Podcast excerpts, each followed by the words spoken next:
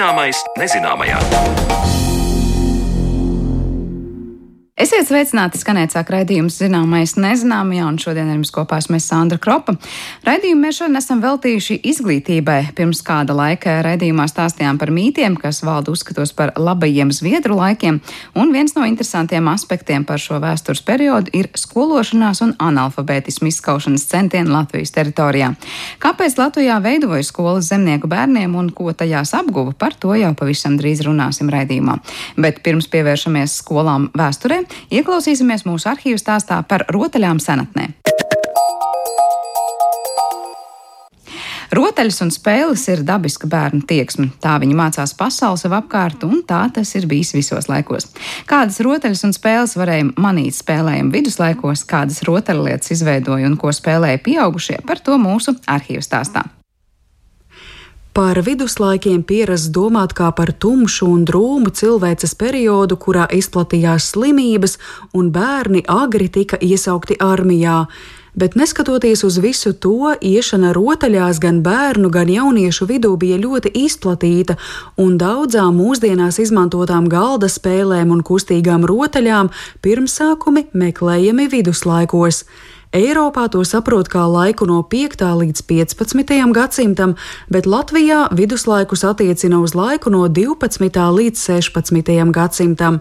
Mans sarunu biedrs, dzīvās vēstures kopas Rodenpojas biedrs, kā arī kaulu un raga apstrādes un kogriezumu drukas darbnīcas vadītājs Cēsu viduslaiku pilī Viesturs Āboltiņš norāda, ka ziņas par viduslaiku spēlēm lielākoties ir pieejamas no 12. gadsimta.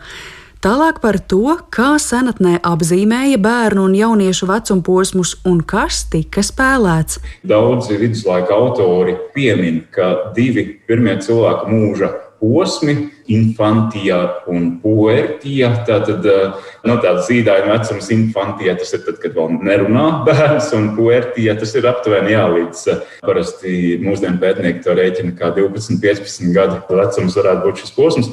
Un viduslaika autori min, ka rotaļāšanās ir eh, raksturīga šiem cilvēku dzīves posmiem, un tas bērniem sanāk pavisam dabīgi, un viņiem ir liels talants uz smiešanos, skriešanu un rotaļu ceļošanos.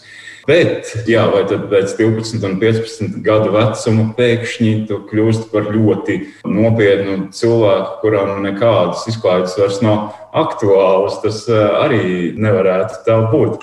Arī mūsu cēlspīlī ir um, atsevišķi priekšmeti, ko it kā tradicionāli pieskaita bērnu rotaļlietām, tomēr ir atsevišķas norādes, kas norāda vai nu ka pieaugušie to ir gatavojuši bērnu vajadzībām, vai arī Iespējams, paši spēlējuši. Piemēram, mums ir diezgan daudz rūciņu atrasti. Tad tāds cūkas kājas kauliņš, kuram ir nazi, parasti ar nazi izurbināts caurums, un tad iesien viņā dievu, un viņš vienkārši jauki tūks. Nu, tā kā līdzīgo mūsdienās cilvēki atcerās to bērnībā darījuši ar pogu. Vai arī govs pirkstu kauliņš, falangas kauliņš, kas ir izmantoti tādai saudabīgai ķēkļu spēlei. Un daži no šiem dūceņiem, rūceņiem un daži no šiem falangu kauliņiem ir darināti ar profesionāliem darbarīkiem. Tad tas caurumiņš ir nevis izbakstīts ar īlēm, bet izurbts ar urbi. Un tad jā, jautājums, vai tas vecāks tas meistars ar urbi ir taisījis savam bērnam kādu spēļu kauliņu, vai arī viņam pašiem varbūt tie paši rūceņi vēl joprojām kaut kā bija aktuāli.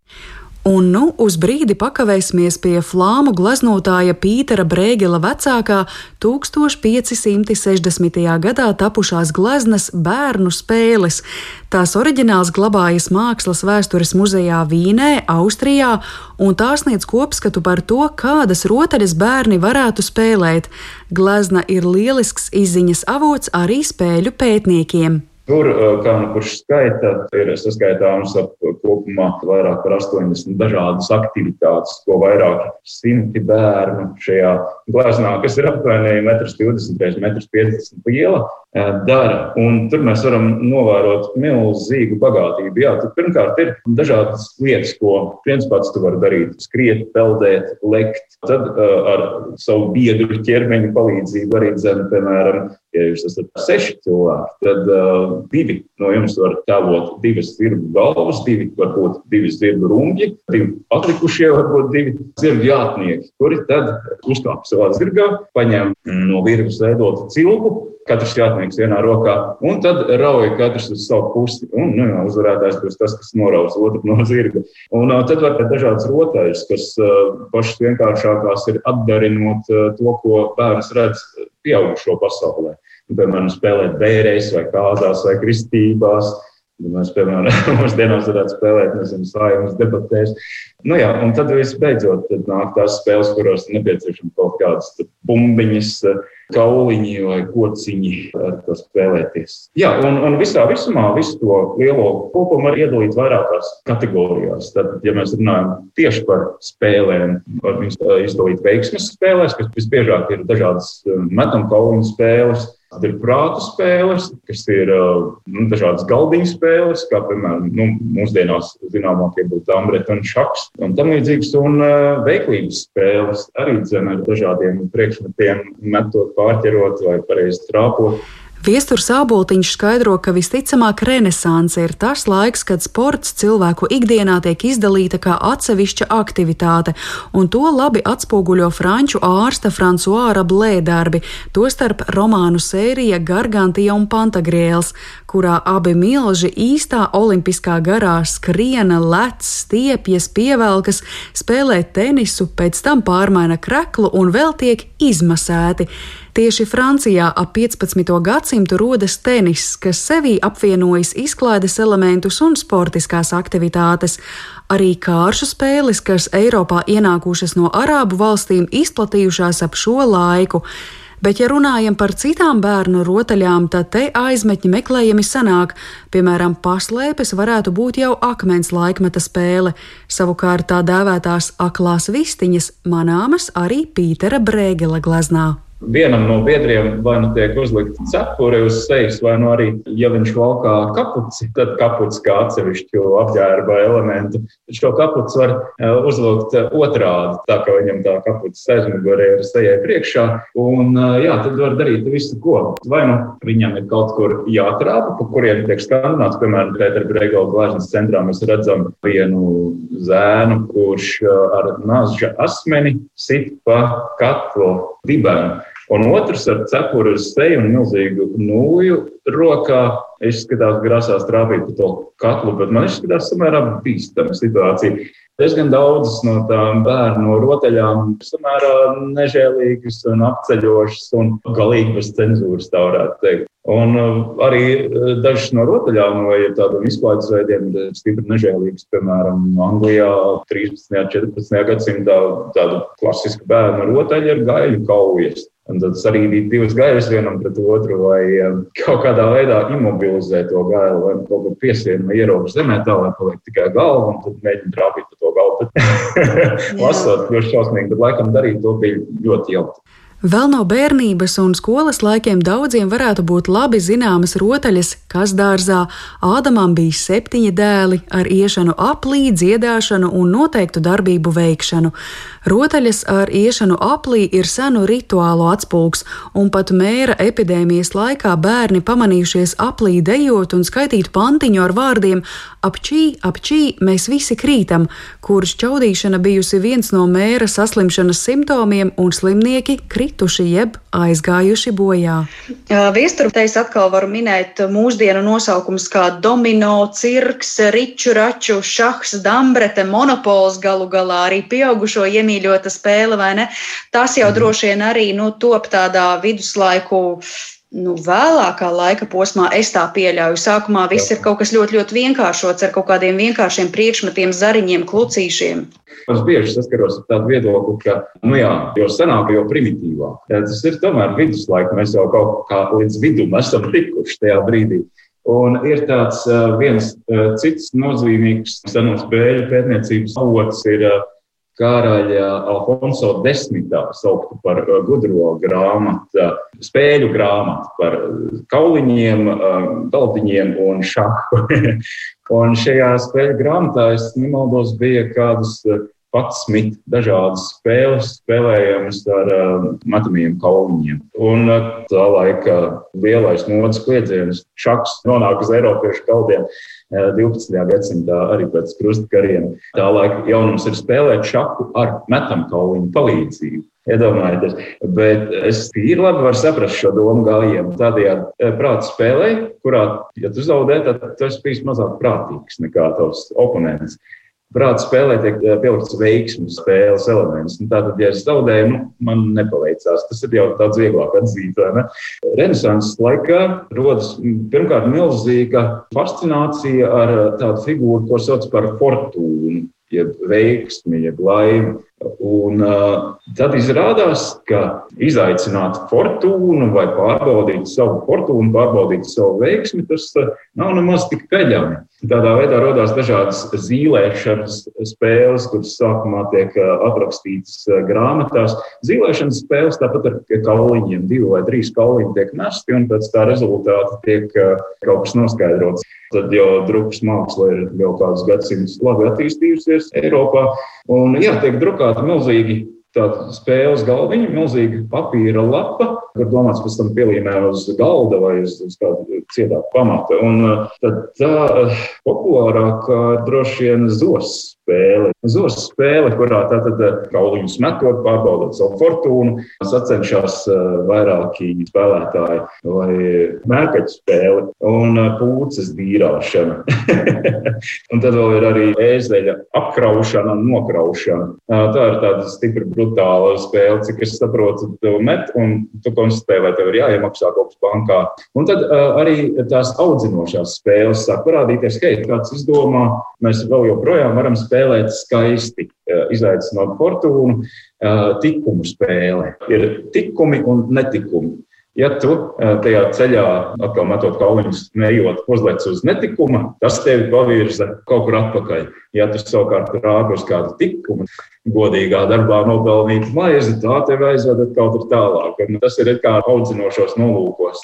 Nu jā, ta, tas, ko jūs jau minējāt par tiem tikumiem, te jau es jūtu atsauces arī uz daudzām citām mūsdienu spēlēm, ka tev ir jāizlaiž gājiens vai ne, un kādu laiku jāpasēž savā vietā, lai tas tavs ego neuzkāptu pārāk augstu. Un tas, ko jūs teicāt par to iemaksāšanu, nu te jau man uzreiz ir sasauce ar monopolu, ka tu kaut ko maksā bankā, kaut kādu naudiņu krāj kapitālu kapitālu. Savukārt, jā, šis Ričuračs man atgādina um, vienu spēli, kas ir zināma latviešiem vairāk ar nosaukumu Nardi. Man liekas, ka viņam par pamatu bija vispār kāda no romiešu laikmetu spēlēm, kurai ir tieši raksturīgs šis, ka tur ir divi spēlētāji, kuri dodas viens otram pretī, katrs 15 kauliņiem. Un, uh, Arī tu vari traucēt savu pretinieku. Tad uzdevums ir nonākt eh, laukuma otrā pusē, pēc 24 lauciņiem, ar visiem saviem kauliņiem nonākt pirmajam tajā pusē. Pīters Brēgels, atcaucoties viestura āboltiņa teiktajam, nav dokumentālists. Brēgels, gleznā ar 200 bērniem, vēlas kaut ko pateikt. Ļoti iespējams, un tā vien liekas, ka ļoti liela daļa no personāžiem, kas te ir attēloti, nemaz nav bērni. Viņi iespējams ir pieauguši cilvēki.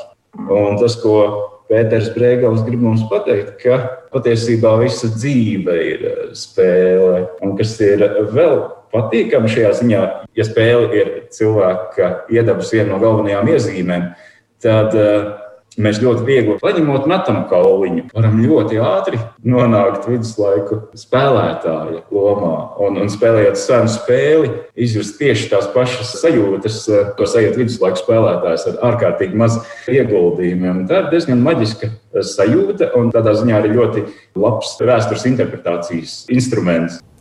Dzirdējām Marijas Baltkalnes arhīvu stāstu par rotaļām un spēlēm viduslaikos, bet turpmākajās minūtēs uzzināsim, ko zemnieku bērni apguva Zviedru laiku skolās 17. un 18. gadsimtā.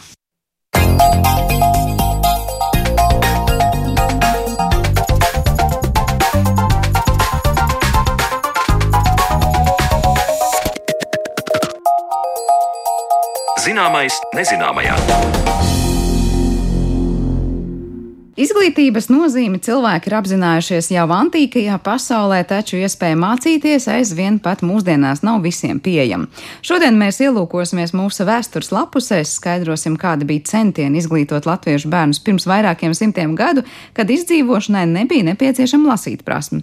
Par to tad uz sarunu esmu aicinājusi vēsturnieku Latvijas Universitātes profesoru un Latvijas vēstures institūta direktoru Gvido Straubi. Labdien! Labdien! Ja mēs tā padomājam par skolām, 17. un 18. gadsimtā, ar ko tās atšķirās? Vai mēs varam to ainu uzbūrt iztēlē pilnīgi atšķirīgi no tā, ko mēs par skolu mēdzam domāt mūsdienās? Nu jā, laikam, totāli kaut kas galīgi, galīgi cits, cita bilde, cita, citi apstākļi, citas metodes, citi skolotāji, citi bērni, cita ministrija un, un, un tā tālāk un tā joprojām. Respektīvi, tā nav. Nu, tas gaišais nams, varbūt, ko mēs brīžiem šodien asociējam skolu. Un, un, un, un daudzi skolotāji, nu, bērni, tur vajadzētu būt kaut kam vairāk, ja, bet tīri varbūt tās no tās ikdienas, kāda tam cilvēkam bija 17. un 18. gadsimtā, kā viņš dzīvoja, tad tas tā māja, kurā viņš dzīvoja, un tas, kurā bija jāiet skolā tiem, tiem zemnieku bērniņiem, tur gan nekādas atšķirības lielās nebija. Varbūt ir psiholoģiski tam, tam bērnam iet uz skolu. Nebija tas, ka šodien, kad tu aiziet pie tā lielā monstra un, un, un, un, un, un uh, nu, tur var būt dažādas emocijas. Jo tās mājas bija visas ļoti līdzīgas. Ja? Un šajā ziņā, kas viņam bija mājās, ko viņš redzēja, ko viņš redzēja skolā, tur tas nekas neatšķirās. Tāpat, nu, nu, jā, nu, skolotājs arī varbūt pārāk daudz neatšķirās, bet, bet nu, kaut ko viņš vairāk zināja.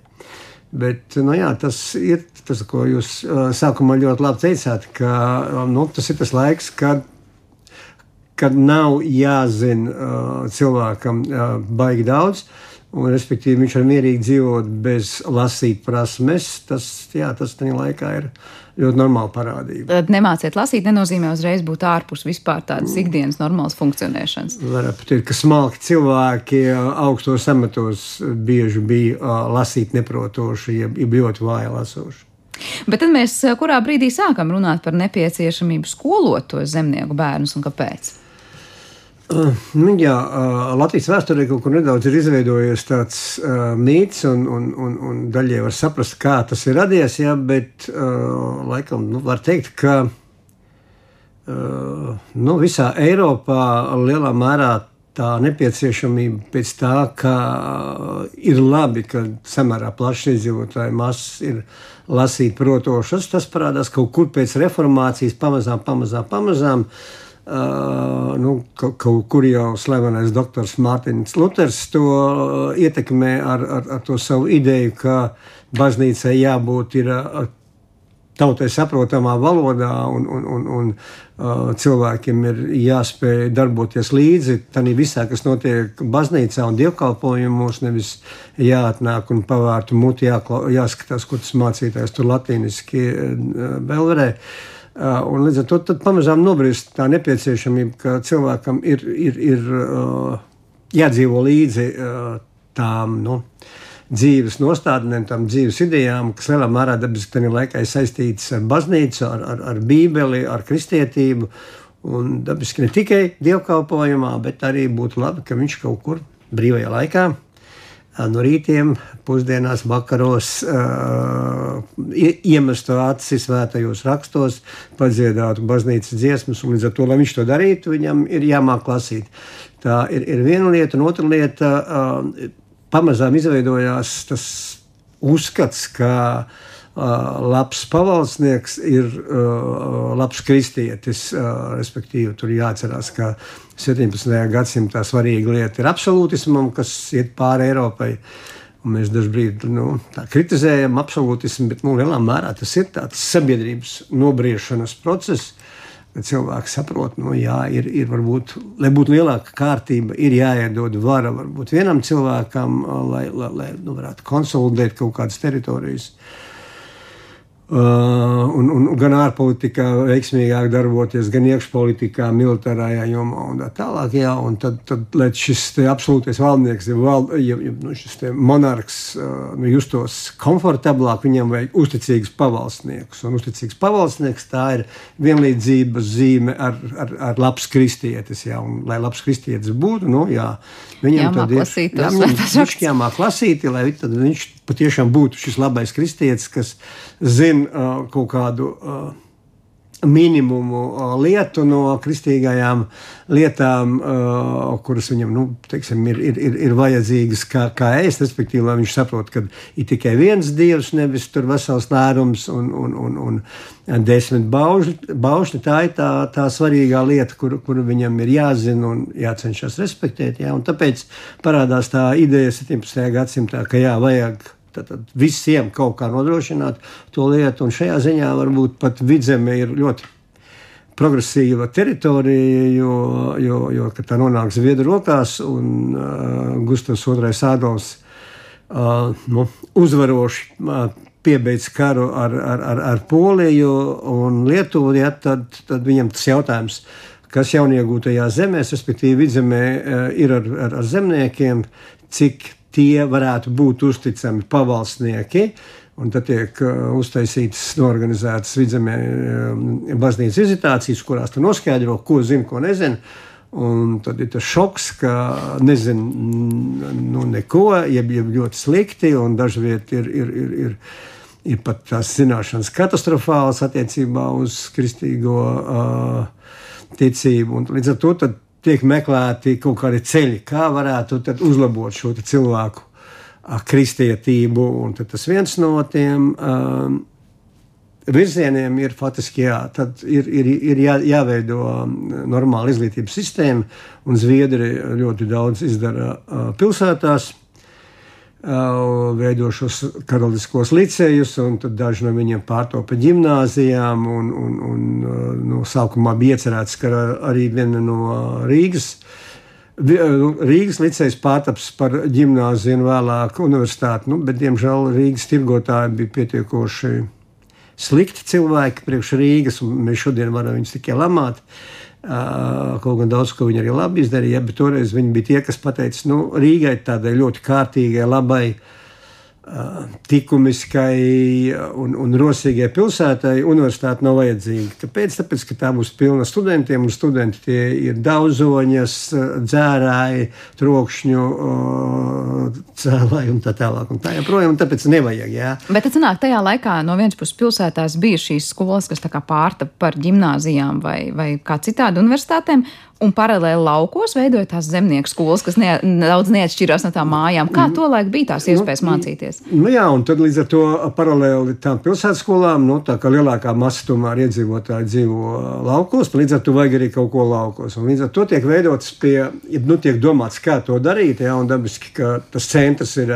draudze, mācītājs, un viņam būtu jābūt tam atbildīgam par uh, to zemnieku izglītošanu, līdz ar to ir jāveido kaut kādas zemnieku skolas. Uh, Un tad tas process faktiski visu 17. gadsimtu, kaut kur sākot ar, ar, ar kaut kādiem 20. gadiem, 17. gadsimta sākumā un visu gadsimtu, tie ir tādi meklējumi, kā, ko, kur. Jo faktiski tas viss ir galīgi jauns. Jo, ja pilsētās varbūt ir vieglāk to izdarīt, jo tur tomēr ir kaut kāda pašvaldība jau gadsimtiem ilgi. Respektīvi, jau vidus, viduslaikos izveidojušās rātes, un, un, un pēc reformācijas vēl Lutheriskajā teritorijā, un tad rāte. Un, un, un, un, un pilsētas baznīcas draugs ir faktiski tā nu, kopā sasietas. Ja, tad, tad laukos nu, tur īsti nav kas to darīt. Un tad, nu, jā, mācītājiem tas tiek uzdots, un, bet nu, kā to izdarīt, uh, to visu laiku meklē. Un, Lai ar Latvijas vēsturē rakstīts, ka Zviedriem baigi paveicās, realitātē, nu, jāsaka, diemžēl, diemžēl uh, paveicās, varbūt likuma ziņā likumi ir tapuši, bet uh, reāli kaut kas izdarīts, nu, jāsaka, diemžēl pamaz, jo nu, nu, īsti nebija tā skaidrība, kā to darīt. Tad skaidrs nāk tā, ka tās skolas vienalga beig beigās nu īsti nefunkcionē vai nebija līdz galam izveidots. Protams, bija tā kā. Tur, tur bija dažādas situācijas, teiksim, mēs skatāmies vizitācijas kaut kur jau sākot ar gadsimta vidu otro pusi, ja, 17. tad mēs redzam, ka Uh, daudz vietu nav skolas, ļoti daudzās vidzemes draudzēs, kur zemē vispār mēs neko neatrodam. Un Latvijā arī tur ir, ir, ir, ir tukšums, jā, bet vidzemē tad, tad ir daži vieti, ir skolu ēkas atrastas lielākoties. Uh, tās ir tie saucamie ķesterāti. Tad, tad mājiņas, kur dzīvo ķesteris, tad nu, viņam kā pienākums tiek uzlikts būt par skolotāju. Ja? Bet nu, tas nav, uh, nav visur, jo uh, nu, ir, ir, ir grūti atrast zemi, uzbūvēt māju, atrast ķesteri. Ja, līdz ar to ne visur tas ir. Ar to ir tā, ka ir, ir vietas, kur ir, kur nav. Tas ir viens. Otrs, uh, ir ļoti daudz gadījumu, ka skola ir, skolotājs nav. Uh, un arī ļoti daudz gadījumu, kad vieta ir uh, ēka, tas ķesterāts ir skolotājs, ir bērni. Ir vai nu tikai viens, uh, Un tad bieži tas ir ķestera dēls, varbūt. Jā. Tad privāta skola un, un, un, nu, nu, privāt, nu, jā, nu, šausmīgāks pasākums, jā, līdz ar to ir diezgan liels tukšums un ir ļoti liels problēmas. Un, un kaut kā mēs tā ļoti glorificējuši esam to visu lietu, bet nu, šobrīd tā pētniecība tik tālu aizgājusi, ka faktiski ir, ir, ir, ir tās problēmas jau saprastas. Un tā viena lieta, ka zemnieks īsti pagaidām vēl neredz to jēgu Priekš kā vajag bērnam izglītību, tā ir viena lieta. Otra lieta, tas skolotāja imidžs ir. ir Tagad varbūt pateikšu kaut ko ļoti grēcīgu, bet, bet man tā liekas, ka skolotāja imidžs toreiz, 17. gadsimtā, ir varbūt tuvu skolotāja imidžam šodien, respektīvi, sabiedrība viņam pārāk neusticās. Uh, un nevis pamatoti, bet vienkārši nu, viņi nezina, viņi nesaprot, kam tas vajadzīgs. Un, un līdz ar to viņi skatās, nu, jā, tur kaut kāds. Jā. Līdz ar to uh, nu, tam skolām īsti negrib sūtīt, uh, jo nu, nu, Neredzēju jēgu. Jā, ne, Bet es gribēju precizējošu jautājumu. Tajā brīdī, kad zemniekam bija iespēja, tad uh, pirmkārt jautājums ir tieši bērnus sūtīt, vai tikpat labi jau diezgan pieaudzis cilvēks arī varēja iet apmeklēt skolu, ja nemācēja lasīt. Un otrs jautājums, vai viņiem bija par to arī jāmaksā kaut kas, jādod materiāli, proti, vai te varēja būt arī jautājums par to, var nevar atļauties iet uz skolu, vai te tikai tas, nu, ir uz lauka darbus mhm. darīt vai nav uz lauka darbus darīt, kā jā, zaudējums. Jā, tad, Tas arī ir, ir viens no tiem momentiem, ja, kas kaut ko traucēja, netraucēja. Uh, Nu, tā sistēma dabiski tiek izstrādāta, un ir, kā, ir liela skaidrība, jā, ka uh, skolā jāiet ir, uh, kaut kādā vecumā no līdz.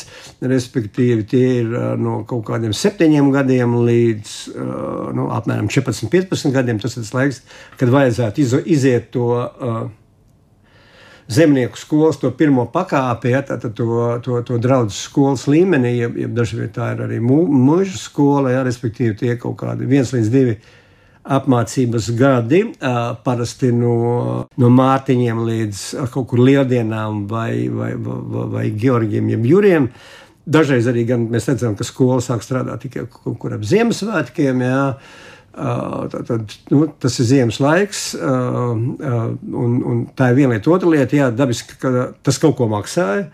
Jo pirmkārt, zemniekam tas bērniņš, tādā vecumā no 7 līdz kaut kādiem 15 gadiem, ir uz to skolu jāsūta. Un, nu, tas, laikam, latviešiem bišķiņ kaut kā asinīs ir, ka, ja tu no mājām lai dara, tad viņš ir jāsakopi, viņš ir kaut kā jāapģērb, viņi nevar tāpat palaist uh, pārējiem par apkaunojumu. Līdz ar to viņam kaut, ka, kaut, kaut kas ir jāuzvalk, varbūt labāks mugurā, ko viņš vienalga varbūt noķēpās. Un, un, Viņam jādod ir ēst līdzi, jo tā Latvijas geogrāfija tajā laikā ir, ir, ir, ir it sevišķi vidzemē un arī kurzemē līdzīga bilde ir ka zemnieki dzīvo izklaidus, ja, un, un līdz ar to tā skola priekš ļoti daudziem pietiekoši tālu. Ja, tad tā kā nu, nav tās tehniskās iespējas, kur mēs šodien varbūt pārāk daudz bērnu vadājam tur papakaļ ar mašīnām, un tu brīnamies, ka pēc no rītiem Rīgās ir sastrēgumi, un ka beidzās, kad ir brīvdienas, tad pēkšņi Rīga tukša. Ja.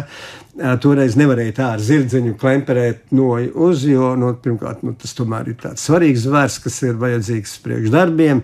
Tas arī attālums ir nu, pietiekoši liels, lai to nevarētu ātri paveikt. Ja tāpēc bērns tiek aizvests. Un tur uh, atstāts skolā diezgan ilgu laiku. Tas ir apmēram kas pa ilgu laiku? Tas ir, nu, tā kā, nu, varētu būt teikt, ka tagad varbūt internāti visbiežāk tas uz nedēļu viņš tiek atstāts uh, skolā, jā, un, un līdz ar to viņam iedod līdz kaut kāds ēdams ir. Tēšana dabiski diezgan, diezgan es teiktu, čābīga. Pamatā tas ir savs kaut kāds ēdiens, maize, kaut kas pavalgā, kaut ko mūsu uz maizi. Ja. skola vēl iedod tēju, līdz ar to, nu, nu, es nezinu, vai tas bērns ir beigās sajūsmā to nedēļu tā iztikt, jā. 18. gadsimtā tur ir daži izņēmumi, kad dažs labs mūžnieks, kas ir ļoti tā, draudzīgi noskaņots pret latviešiem, viņš no mūžas virtuves ik pa laikam kaut ko iedod. Šajā ziņā man liekas viens no labākajiem piemēriem ir ungurmuīža uh, slavenā, kur, kur joprojām smukā tā mūžiņa koka ir elegantā, uh, kur Kapenhausens, um, ja nemaldos, nu, Viņiem dabiski bija viegli, jo mūža sēkla un skolas sēkla burtiski pāri pagalmām. Tur ir kaut kāds 100 metri, varbūt tās 200 ne vairāk starp abām mājām. Līdz ar to viņiem tas bija viegli izdarīt, bet nu vienalga galvenais ir gribēt darīt. Ja viņš nodrošina zemnieku bērnus ar viņu divreiz nedēļā ar mūžu šēdienu. Nu, nezinu, vai tur bija kaut kādi cepeši un, un, un, un kas, ja vienkārši kāda putra, bet viņš divreiz silto ēdienu skolu nogādā. Bet viņš nav vienīgais, vēl ir daži zemnieki. Jā, bet līdz ar to tā, tā ēšanas problēma ir dabiski daudz viet uh, aktuāla. Tad dabiski zemniekiem jānodrošina arī skolotājs ar malku. Līdz ar to jādod, jāsagādā ir arī ar, ar, ar, ar mazliet ar labību un uh, dažviet arī ar sienu. Līdz ar to viņam ir nedaudz jāinvestējas uh, skolas uzturēšanā. Jā. Tāpēc dabiski tas kaut ko, kaut ko maksā. Vairāk nu, nu, tas teiksim, tas nebija tā baigi daudz, ja kaut kas nebija daudz jāmaksā, ļoti daudz jāmaksā, speciāli naudā nekas nebija jādod. Bet, nu, nu, ja kurā gadījumā tas prasīja beig beigās nu, tos diezgan nu, jā, liels nu, ieguldījums. Jā, jā, jādod. Tajā brīdī, tur, kur jau bija gan skolotājs, gan tie, kas mācās, varbūt mēs varam nedaudz vēl parunāt par to, kā tas viss notika. Proti, Es pieņemu, ka tajā laikā vienalga vai viens bērns vecāks, viens jaunāks, visi mācījās plus mīnus kopā, jo tā jā, zināšanas jā. laikam nu, bija vienādas liktas, nu, vai to nebija. Nu, viena telpa tikai līdz ar to tur ir visi. Un faktiski var redzēt, ka to bērnu, nu, teikt, tāda sistēma izveidojās visā vidzemē, gan arī um, tā liekas vienoti. Jā, es citus, citus piemērus neesmu redzējis. Respektīvi, tas bērnu dalījums ir trīs pakāpēs. Pirmā pakāpe tie, kas mācās alfabētu. Uh, ja tā saucamie ABC skolnieki, nu, vācu valodā tas ABC, tas arī ir alfabēts, jā, tas saīsinājums. Jā. Tā ir tā pirmā pakāpe, tad otrā pakāpe ir, kas tad ir jau uh, iemācījušies alfabētu, tad tie nodarbojās ar tā saucamo bokšterēšanu, to galīgi nevajadzīgo lasīšanu, ko pēc kaut kāda laika atmetīs, kā galīgi nevajadzīgi, respektīvi tur liek pa priekšu burtus pēc tām skaņām kopā. Uh, un tad mēģina uztaisīt vārdu, un līdz ar to tas nu, tas galīgi neko nedod uh, lasīšanai. Nu, varbūt tā bišķiņa prāta asinē, ja, bet, bet okay, tam īstenībā jēga nav. Un tad jau ir tā trešā pakāpe, jau, uh, ka viņš uh, nu, jau, jau lasa, uh, lasa labi. Uh, nu, Dažviet vēl ir atzīmēta jā, ceturtā pakāpe, ka uh, lasām to mazo kaķismu, un, un tad, tad nu, dažreiz arī tiek atzīmēts, ka bērni māca lasīt, jau brīvi lasa uh, Bībeli un, un, un, un, Un, un, bet pamatā tās trīs pakāpes ir, ir tā, tā, uh, alfabēts, bokšķerēšana un, un uh, tāda normāla lasīšana. Un, viņi visi sēž vienā klasē. Un, ar to tā, tas apmācības laiks ļoti atšķirīgs, atkarīgs no katra bērna. Ir kas sēž uh, skolā uh, divas, un dažreiz pat trīs ziemas, un nevar nokārtot to minimumu. Un ir tādi, kas faktiski pa vienu gadu apgūst visu, un līdz ar to viņi tiek laisti mājā. Bet tas tā turpinās, tā, tāda ļoti disciplinēta skolas apmeklēšana. Kā prasība uh, iet līdz 18. gadsimta kaut kādiem 60. gadiem, tad iestājās tāds kaut kāds bums, Jo zemnieki sāk saprast, nu, no vienas puses, nu, par pa to gadsimtu jau vairāk viņi sapratuši, ka kaut kāda jēga no tā ir. Tas ir viens, otrs, mājās uzkrājās cilvēku skaits, kas māca lasīt. Un līdz ar to nu, viņi arī varētu mācīt saviem brāļiem, bērniem, nu, radiniekiem lasīt prasmes. Jā. Un, un, un tad kaut kādos 18. gadsimta 70. gados, 60. un 70. parādās tā ideja, ka mēs mājās paši varam to darīt. Un baznīca arī saka, jā, ok, labi, ja jūs varēsiet uh, apmācīt tik tālu, ka, ka viņi dabūs to ieskaiti, teiksim tā, jā, tad, tad būs labi. Ja viņi nedabūs to ieskaiti, tad viņiem būs jānāk uz vienu ziemu, tad ir draudzes skolā. Jā.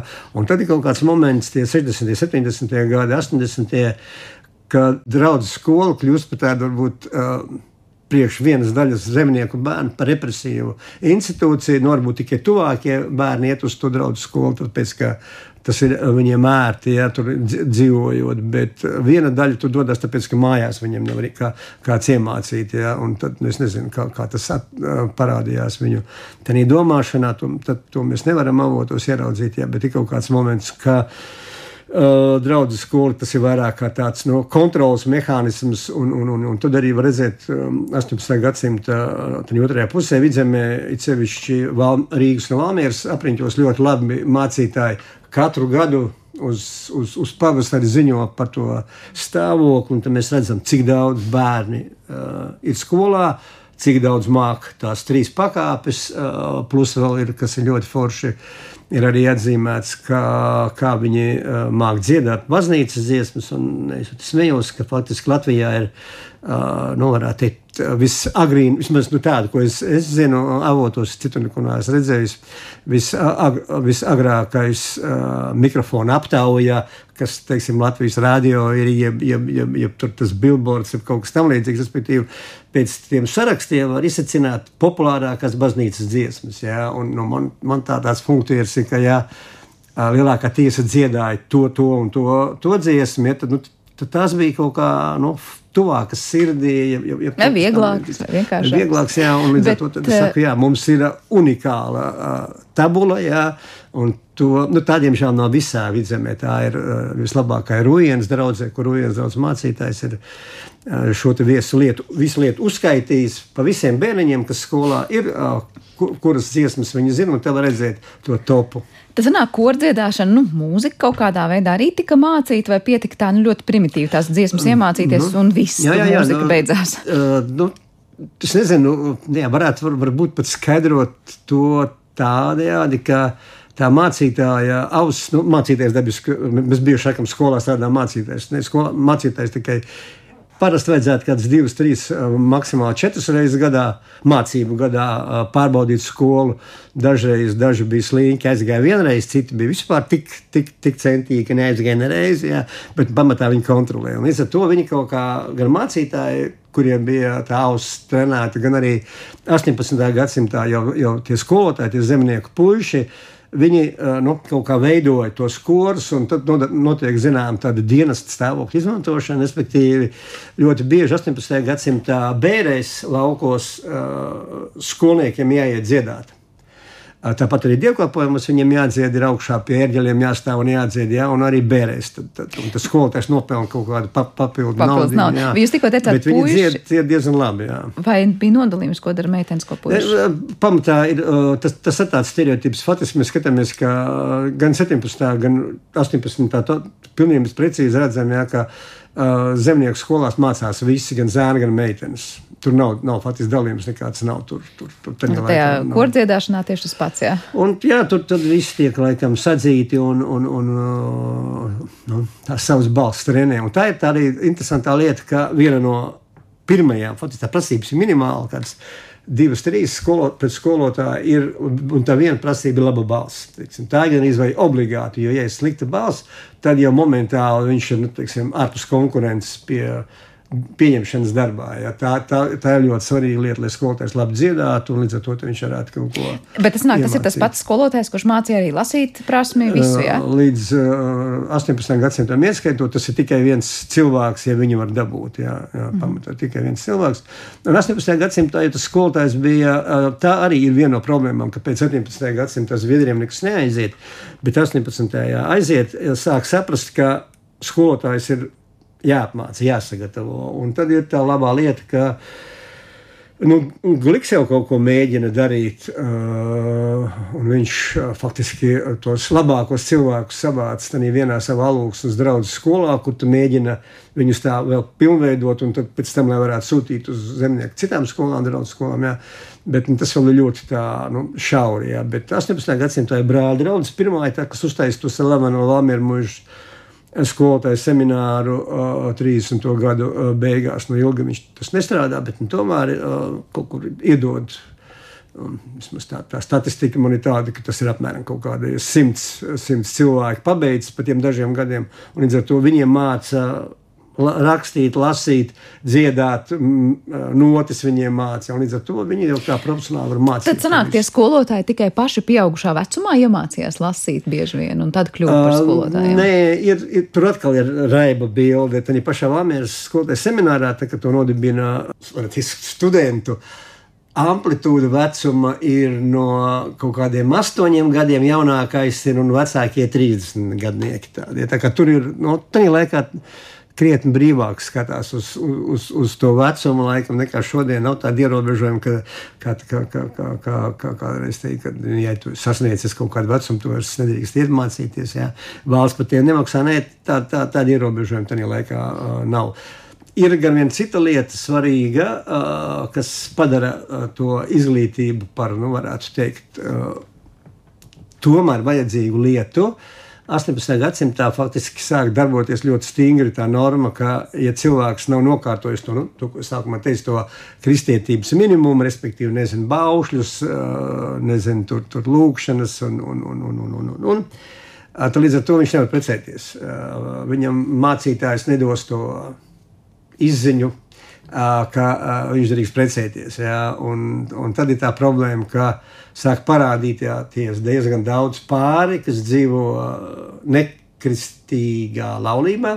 Respektīvi, nu, mācīties viņas nevar laulāt, jā, Bet tur tāpat tie bērni piedzimst, un līdz ar to tur ir tas lielais grēks, un, un tie tad, tad, tur, tur tā, tā iet. Bet beigās tad arī pieņem kaut kādu kompromisu, jo laikam, nu, varbūt cilvēkiem grūta galva, ja kas ir. Un tad tiek pieņemts lēmums jau pašās 18. gadsimta beigās pie ģenerāla gubernatora Brauna viņa valdīšanas laikā, ka ja cilvēks līdz,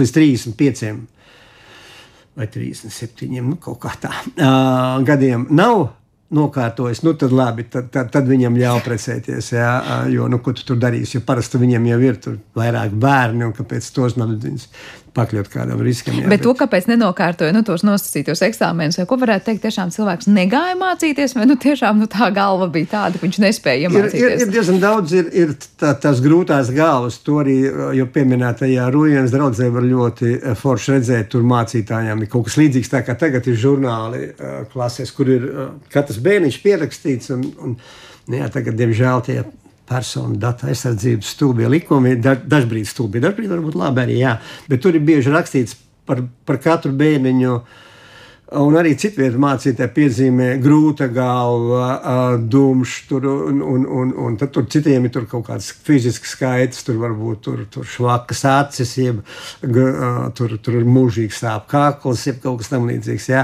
Bet ir arī nu, fiksēts, jā, kad ir iet arī grūti ar tām mācībām. Jā. Līdz ar to nu, nav jau tā, ka nu, tā, tā arī to, kas tagad slēgs smējos par to moderno pieeja izglītībai, kur mēs visiem gribam kaut ko, lai viņi, lai viņi dara, bet jāsaprot, ka cilvēki ir ļoti atšķirīgi, un ne visi var uh, nu, mācīties uh, gan vienādā ātrumā, gan līmenī. Un ir, ir jāsaprot, ka, ka nu, nu, nu, tā ir tā dieva radītā pasaule, ja mēs tik tālu aizējām, kur katra, katra uh, puķa dārzā ir, ir smuka tāda, kāda viņi ir, un nevajag viņus visus pielīdzināt. Ja.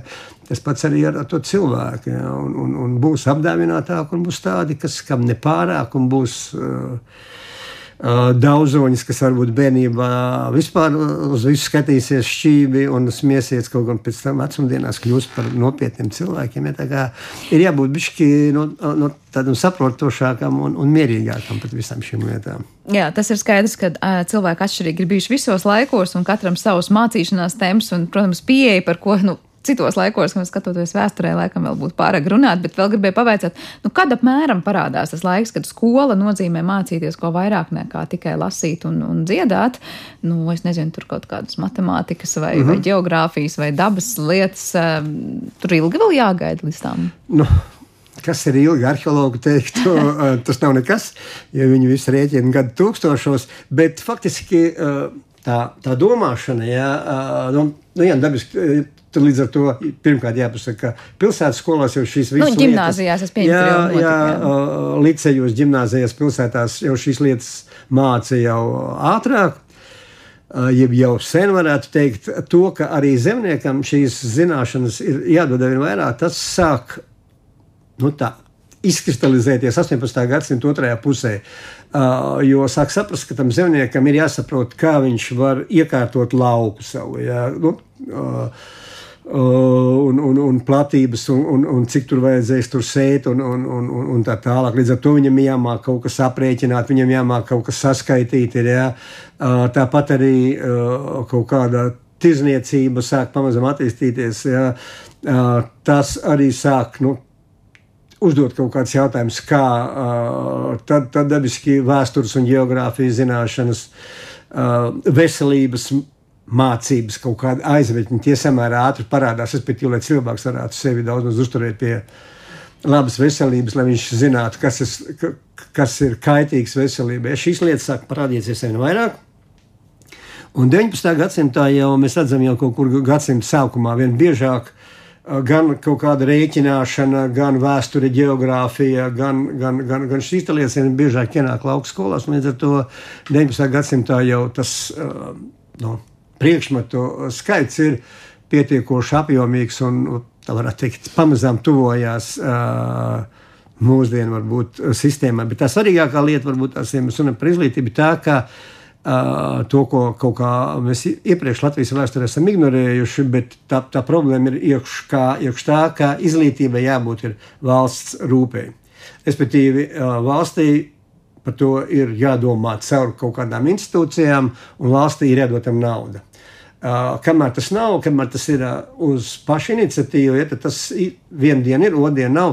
Jo pat ir tā interesantā lieta, ka daži mužnieki, uh, kas ir atbalstījuši izglītību, mēs sakām, jā, baigie malači, un pēkšņi mēs skatāmies, ka viņa testamentos, kaut kur dokumentos viņa parādās ieraksts, ka dēlam ir pienākums uzturēt skolu. Respektīvi, nu, varētu būt aizdoms, ka dēls varbūt saka, tēvs, priekš kam tu tērē naudu kaut kādiem zemniekiem, un tēvs saka, nē, te, ja tu gribi mūžu, tad arī tērē. Respektīvi, tā ir privāta iniciatīva. Šodien var būt, rīt var nebūt. Ja tiklīdz tā ir valsts lieta, kur valsts rūpējās par ēkām, par skolotāju algām un, un veido kopēju sistēmu. Tas faktiski parādās pirmoreiz Prūsijā, 18. gadsimta pēdējā ceturksnī, un tad faktiski Krievijas impērijā šo ideju 20. gados Aleksandrs I aizņemās jeb nozogis. Nezinu, kā tur bija. Es nekad skatījos, ja, bet respektīvi nu, to, to, to sistēmu lielā mērā realizēja. Un, un, un tad tas jau sāk iet labāk. Ja, kamēr valsts par to tā īpaši nerūpējās. Nu, tad ir laikam tas stāsts, tā kā jūs teicāt, pašā, pašā sākumā, 17. gadsimta, ka it kā no vienas puses papīra tās skolas ir, bet realitātē jā, īsti bet, nestrādā. Nu, bet, nu, pirm, nav nauda. Tas varētu būt tā mūžīgā izglītības sistēmas problēma. Arī šodien mēs dzirdam skolotāji un arī universitāti saka. Nu, izglītība kaut ko maksā. Nu, tā nevar. Jā, nu, paldies par ieskatu tajā, kāda bija tā izglītība 17. un 18. gadsimtā tajā zemnieku bērnu pusē. Daudz interesantu aspektu, par kuriem aizdomāties vēsturnieks, Latvijas vēstures institūta direktors un Latvijas universitātes profesors Gvido Strauba bija ar mums kopā šajā raidījuma pusstundā. Paldies par šo raidījumu producentei Paulai Gulbīnskai, pieskaņu pilts bija Elzbete Šaicāno, Ģirs Bišs parūpējās par mūziku šai stundai. Ar jums kopā bija Sandra Kropa un mēs tiekamies jau atkal rīt. Visu labu!